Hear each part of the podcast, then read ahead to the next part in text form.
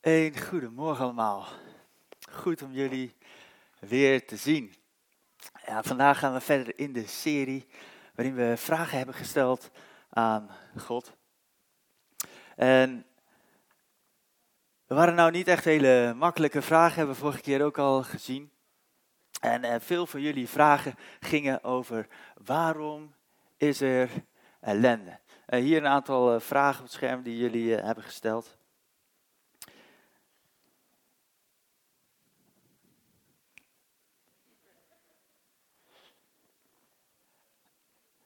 Ja, dan begint de ellende. ja, daar is hij. waarom is er zoveel onvrede in de wereld? dit, dit gaat een laagje dieper dan een 1-1 tegen Ecuador. waarom is het leven soms zo pijnlijk? Waarom is er zoveel onrecht? Waarom houdt oorlog niet op? Een hele goede vraag. De vraag hoe kan een liefdevolle en almachtige God dit nou allemaal toestaan? Waarom grijpt hij niet in bij zoveel leed en verdriet?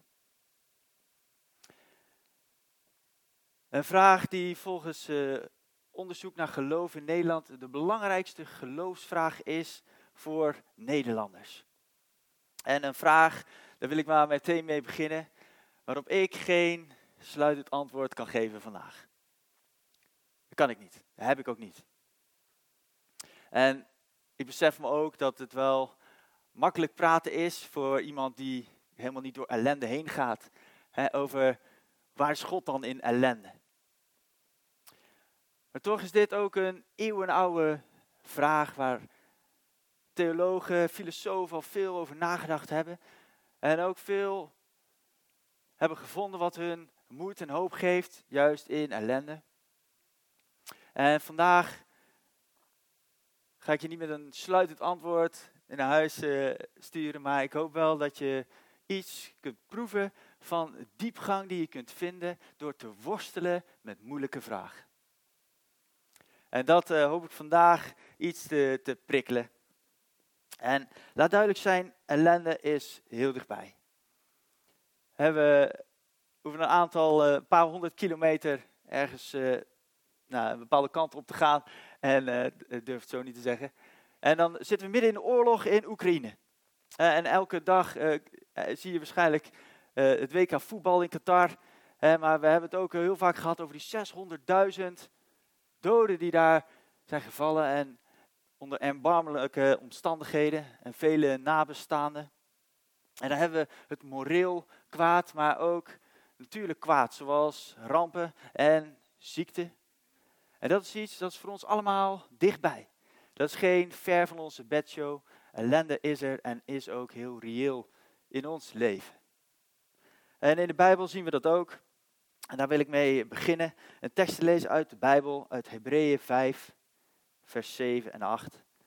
er staat, Christus, Jezus, heeft tijdens zijn leven op aarde onder tranen en met luide stem gesmeekt en gebeden tot hem die hem kon redden van de dood. Jezus, God zelf, die zijn goddelijkheid achterliet, wordt hij mens op aarde. En als mens op aarde zien we dus dat hij het lijden ondergaat. Dat hij het uitschreeuwt, met luide stem smeekt naar God die hem kon redden. En Jezus werd verhoord vanwege zijn diep ontzag voor God. Wat dat betekent, daar gaan we zo meteen ook naar kijken. Maar hoewel hij Gods zoon was, heeft hij moeten lijden hier op aarde. Zelfs God die naar de aarde komt, heeft hier dus mee te maken. Ellende en lijden lijkt dus voor iedereen hier op aarde een realiteit. Niemand lijkt eraan te ontkomen, zelfs God heeft er volop mee te maken in zijn leven hier op aarde. En waarom? Waarom zou dat nou zijn? Nou, om daarop in te gaan, wil ik gebruik maken van iets wat ik heb geleerd uit dit boek. Het is een boek van Reinier Zonneveld. Het heet De Stilte van God. En Reinier die is theoloog, maar hij is ook als kind is hij jarenlang ziek geweest. En hij heeft enorm geworsteld met deze vraag. de vraag rondom zijn eigen ellende. En ook de zoektocht naar antwoorden als theoloog. En hij heeft daar voor zichzelf heel veel rijkdom gevonden, wat hem heeft gesteund, maar ook wat mij nieuwe inzicht heeft gegeven. En dat heeft hij opgeschreven in het boek. En daar wil ik met jullie ook wat eh, van delen. Te beginnen bij het verschil tussen korte en lange antwoorden. En er zijn een heleboel korte antwoorden op deze vraag. te beginnen bij, er is zoveel lijden en ellende in deze wereld, God zal wel niet bestaan. of God die dan liefdevol of almachtig zou zijn, nou dat kan volgens mij niet. Ik denk dat God is gewoon niet liefdevol. Hij geeft gewoon niet zoveel om zijn schepping. Het maakt hem gewoon niet zoveel uit. Of God is gewoon niet almachtig. Hij zou wel willen, maar hij is gewoon niet in staat om in te grijpen. allemaal korte antwoorden en die antwoorden zijn vaak sluitend en daarmee af. En dan heb je een antwoord op je vraag. God bestaat niet en klaar. En dan hoef je ook niet meer verder te zoeken. Maar wat blijkt is dus die korte antwoorden zijn ook heel beperkend in je zoektocht. Geven heel weinig diepgang. En als je zelf met lijden te maken hebt, geven korte antwoorden vaak een versterking op je eigen lijden. En ook in de kerk hebben we volop korte antwoorden. Gods wegen zijn ondoorgrondelijk. Punt. Daar moeten we het allemaal mee doen. En ja, dat staat nog in de Bijbel ook. dus en, klaar. Maar ik hoop dat je, en dat, dat is ook het verlangen dat we hebben als Stadskerk nog 40, dat je hier de ruimte proeft om je vragen te stellen. Want ik geloof van harte dat door te worstelen met moeilijke vragen, je enorme diepgang kunt vinden in je geloof. Het dus voorbij die korte antwoorden komt. Het korte antwoorden, nog één is bijvoorbeeld, ja, dat, komt door Adam en Eva. door de zondeval, he, zij aten van die appel. of nog makkelijker, dat komt door de duivel. extern kwaad. En ja, goed, daar kan God ook niks aan doen. maar dat geeft natuurlijk helemaal geen antwoord op de vraag waarom God die ruimte nou geeft. Die ruimte die er is voor ieder mens om goed te doen, maar ook om kwaad te doen. Dus ik hoop hier met jullie op in te gaan en wat, wat meer diepgang te vinden door te kijken naar drie lange antwoorden. En uh, voor de mensen die nu uh, schrikken, uh, ik, ik, ik wil het niet per se heel lang gaan maken. dus ik, ik zou met lange antwoorden tot in diep in de middag door kunnen gaan. Maar ik wil dus ook niet daarin volledig zijn, maar een klein beetje een introductie geven op drie langere antwoorden.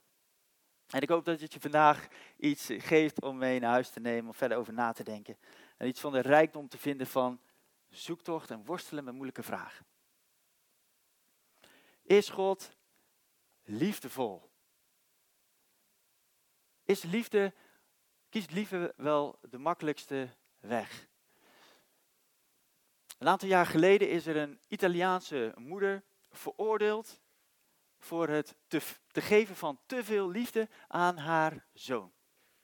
Haar zoon was inmiddels 13 jaar oud en hij was de slimste van zijn klas, maar hij was nog niet in staat om zelfstandig naar de wc te gaan, want daar had hij zijn moeder voor nodig. En het jongetje kon pas lopen toen hij acht jaar oud was. Eh, want tot die tijd was hem ook heel vaak verboden om te gaan staan, want dan kon hij vallen. En hij was, was verboden om te, te rennen, want dat was levensgevaarlijk. En deze vader die, die vechtte ook tegen die verstikkende liefde van de moeder voor dat kind. En uiteindelijk leidde dat tot de weg naar de rechter en een veroordeling voor drie jaar celstraf. Want zei de rechter deze superbescherming had hij, zag hij als een vorm van kindermishandeling. Heftig. En er is een Italiaans onderzoeker en pedagoog, dat is Francesco Benucci. Mooi naam. En hij deed hier ook onderzoek naar. Hij zegt zo'n driekwart van de peuters die mogen in Italië niet kruipen. En heel veel jongeren mogen niet rennen op straat. Dat is gevaarlijk, dan kun je vallen. En bovendien kun je gaan zweten met alle nare gevolgen van dien. En hij zegt, de superbescherming van Italiaanse ouders en vooral moeders is de meest wijdverspreide vorm van geweld in Italië. En zegt hij het moeilijkst uit te roeien, want het wordt vaak vermomd als liefde. En een van de resultaten hiervan is dat Italiaanse jongeren op latere leeftijd vaker betrokken zijn bij hele ernstige ongelukken, omdat ze nooit het voorrecht hebben gehad om een schaafwond of een blauwe plek op te lopen. Kennelijk bestaat er zoiets als te veel liefde, een verstikkende liefde. Misschien neemt liefde niet altijd de makkelijkste weg. Een ander voorbeeld is dat van een moeder met een zoon van vier jaar oud. En hij kreeg de prognose dat hij waarschijnlijk nooit, dat hij nooit zou kunnen lopen. Vanwege een ernstige spierziekte. En deze moeder besloot tot een heel ander plan. De jongen die kon eigenlijk alleen maar op zijn speelkleed liggen. En zij besloot een mooie felgekleurde bal te kopen en die naast het jongetje neer te leggen. En het jongetje kon er, niet, kon er niet bij zonder zich om te draaien. En dat kon hij nog niet. En het jongetje zag die bal wel liggen en hij wilde niks liever dan die bal pakken. alles in hem zag je, dat schreeuwde uit naar die bal. En de andere kinderen in dat gezin begonnen te klagen naar moeder. Geef toch gewoon die bal aan die jongen. waarom zou je dat nou niet doen? Maar die moeder besloot het niet te doen. Ook al vond ze het moeilijk, ze besloot de bal naast hem neer te leggen. En dag in, dag uit en haar hart helde, maar ze gaf de bal niet. En na een paar dagen hoorde ze wat gestommel en ze ging kijken en het jongetje had zich omgedraaid en had de bal te pakken. En het succes werd gevierd in het gezin. En de volgende dag besloot de moeder de bal net iets verder weg te leggen. En zodat hij moest omdraaien, maar ook nog een kruipende beweging moest maken om bij de bal te komen. En weer onder protest van de rest van het gezin en met pijn in de hart legde ze de bal toch iets verder weg. En toen dit jongetje acht jaar oud was, kon hij lopen.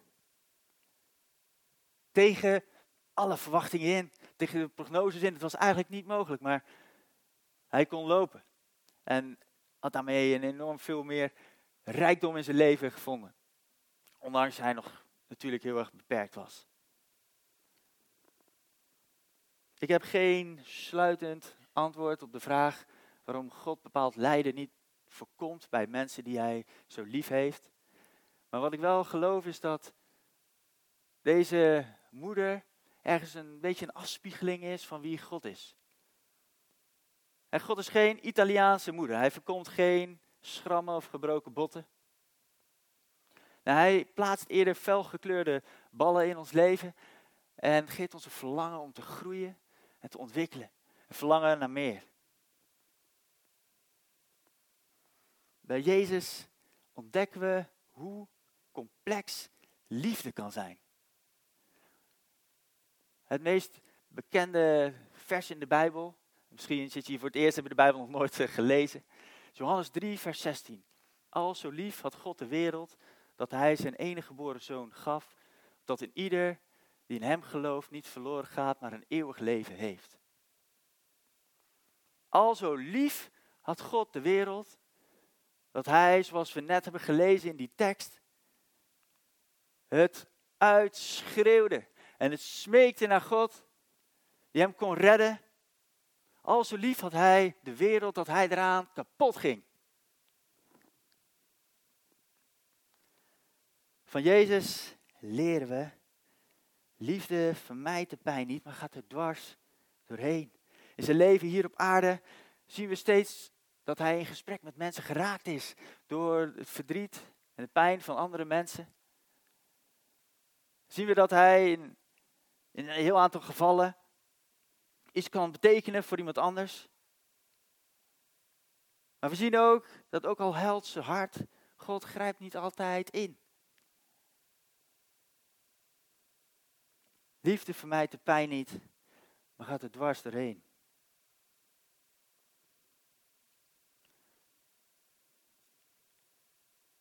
Misschien zeg je oké, die God is misschien inderdaad liefdevol.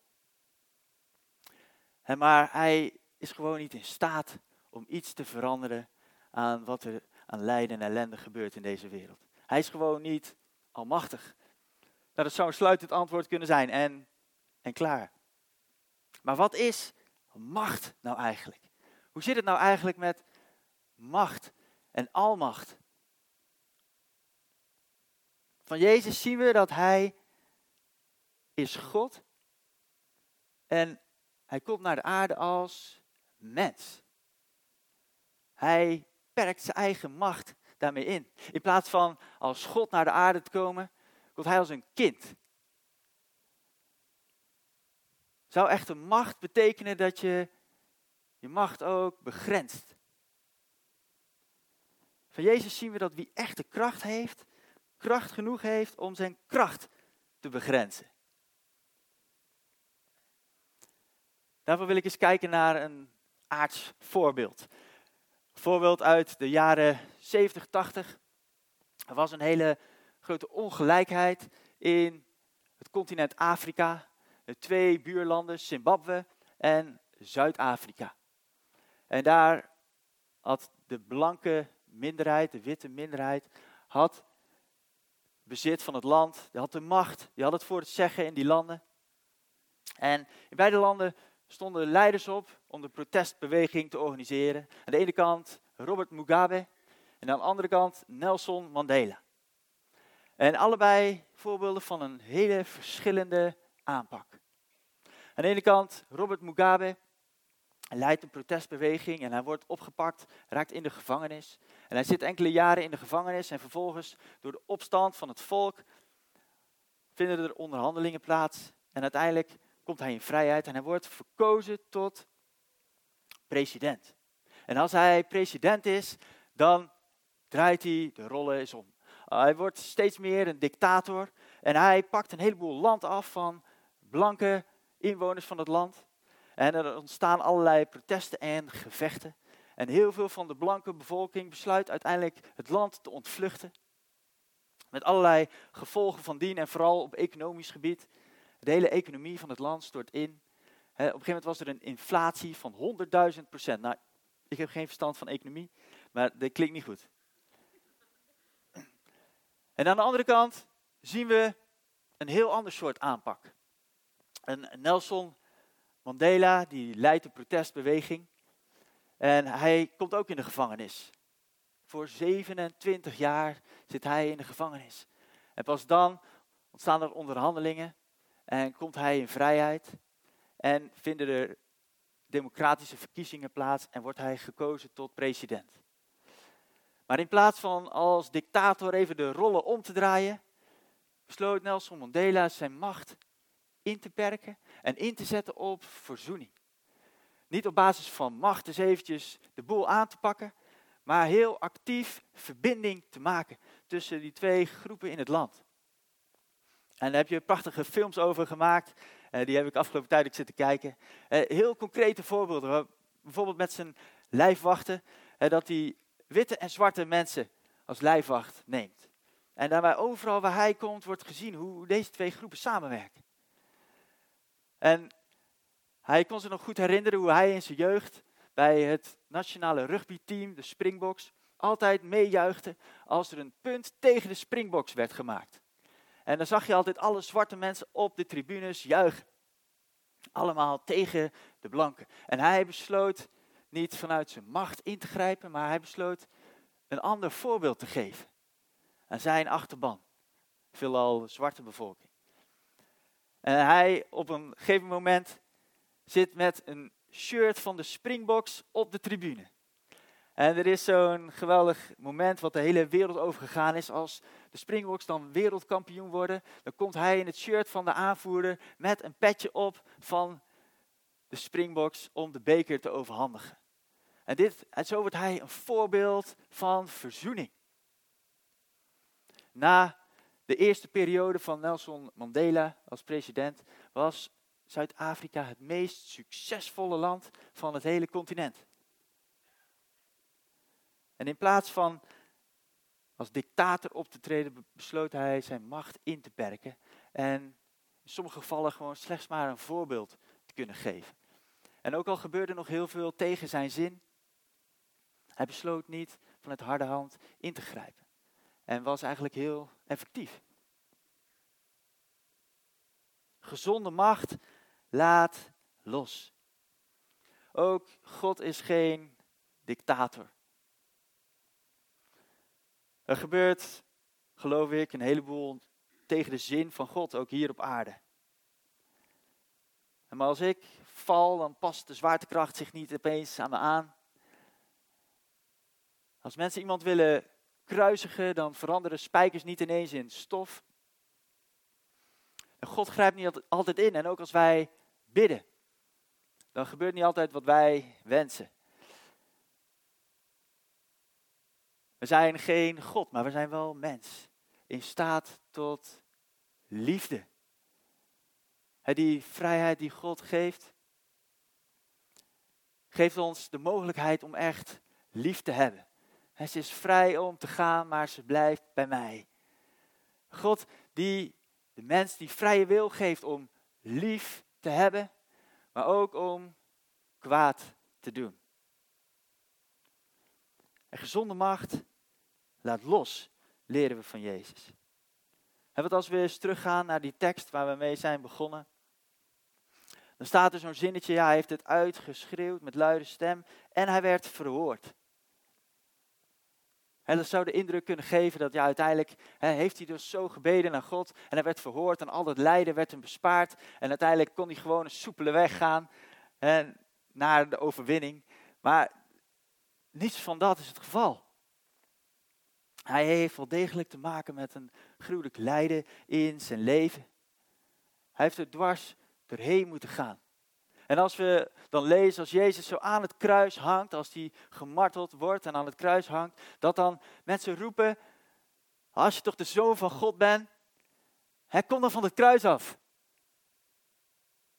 Maar dat God zelf besluit zijn macht in te perken. God die losraadt. En dwars door moeite en pijn heen gaat. Hoe wordt Jezus dan verhoord?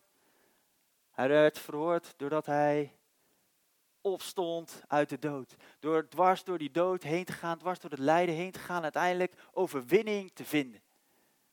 He, doordat ieder die in hem gelooft niet verloren hoeft te gaan in de dood, maar eeuwig leven mag hebben met God.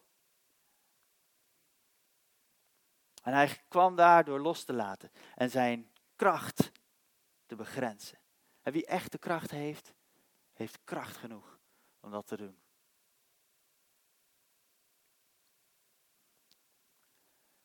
Het derde en het laatste langere antwoord waar ik een introductie op wil geven is wat persoonlijker. Wat nou als jij leidt? Waar is God dan?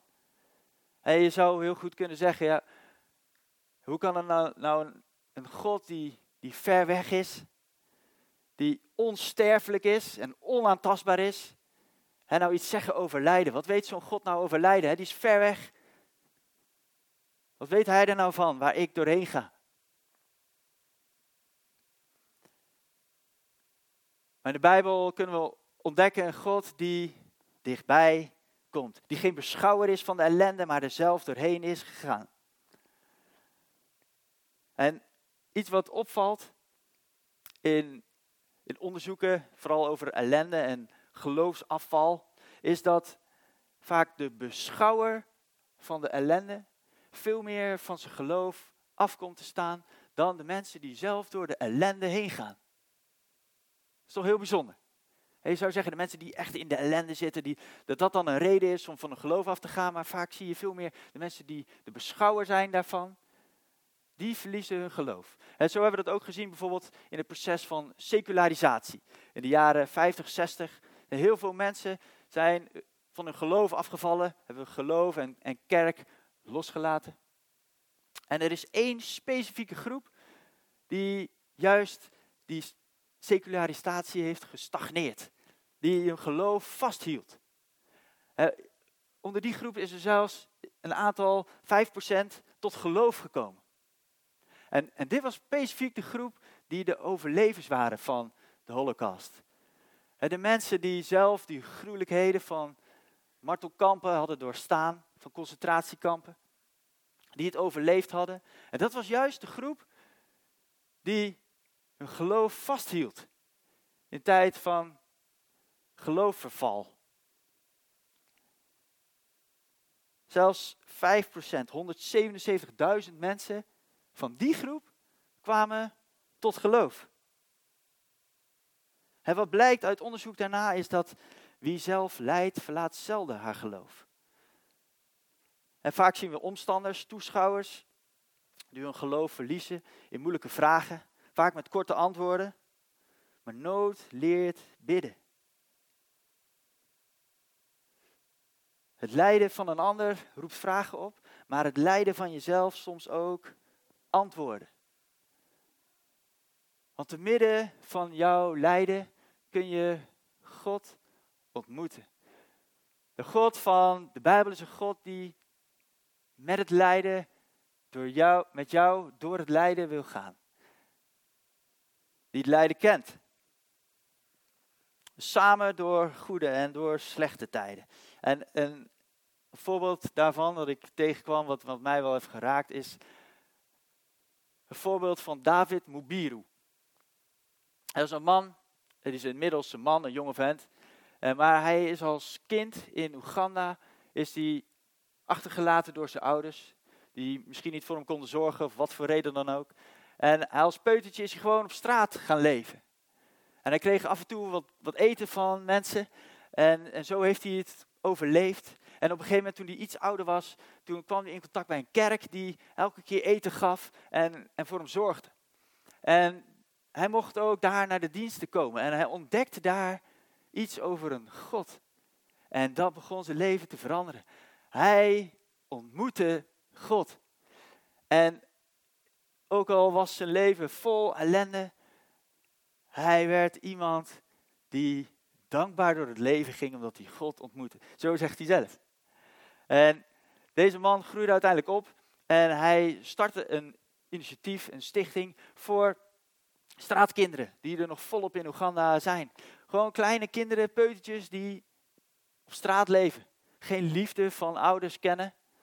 En hij vangt ze op en hij heeft een heleboel kerken aangeschreven inmiddels wereldwijd. En hij krijgt allerlei steun waardoor hij deze mensen een dak onder boven hun hoofd kan geven en dagelijks te eten.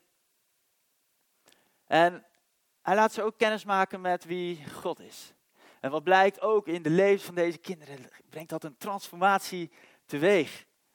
En ze hebben dan verschillende video's gemaakt waarvan ik jullie eentje wil laten zien. Van allemaal kinderen die dus op straat hebben geleefd als heel klein. Het zijn nog steeds kleine kinderen, maar die geen liefde kennen van hun ouders. En die dan samen video's maken van hoe ze aan het zingen zijn. Van de liederen die ze hebben geleerd. God, you have been faithful. All my life, you have been faithful. Ik denk, hoe, hoe kan je dat nou zingen?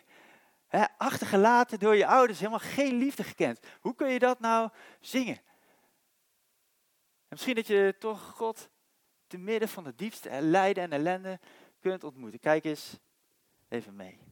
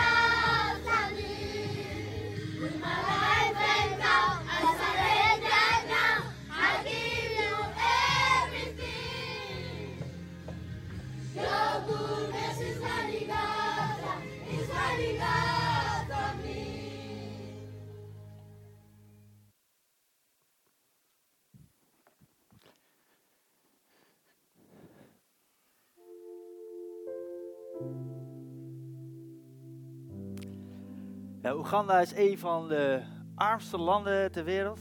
En bijna de volledige bevolking, eigenlijk de hele bevolking, is gelovig. En 84% van hen is christen, de 12% moslim en de andere 4% andere verschillende geloven. Wat blijkt vaak, de mensen die midden in ellende zitten, kunnen God daarin ontmoeten. En ik besef heel goed dat ik sta hier en ik ken eigenlijk die ellende helemaal niet zo. dus ik, ik kan het wel zeggen op basis van ervaringen van anderen, maar ik kan natuurlijk nooit begrijpen waar jij in zit als jij wel lijden en ellende kent. Ook vandaag de dag, ook heel dichtbij, door ziekte of door wat voor ellende dan ook. En daarom, ik wil ook niet zeggen dat, dat ik dat kan begrijpen, maar ik durf wel te zeggen dat ik geloof dat er een God is die samen met jou door moeite, pijn en ellende heen wil gaan. Ik geloof dat dat zo is. En eh, misschien ken je God nog niet.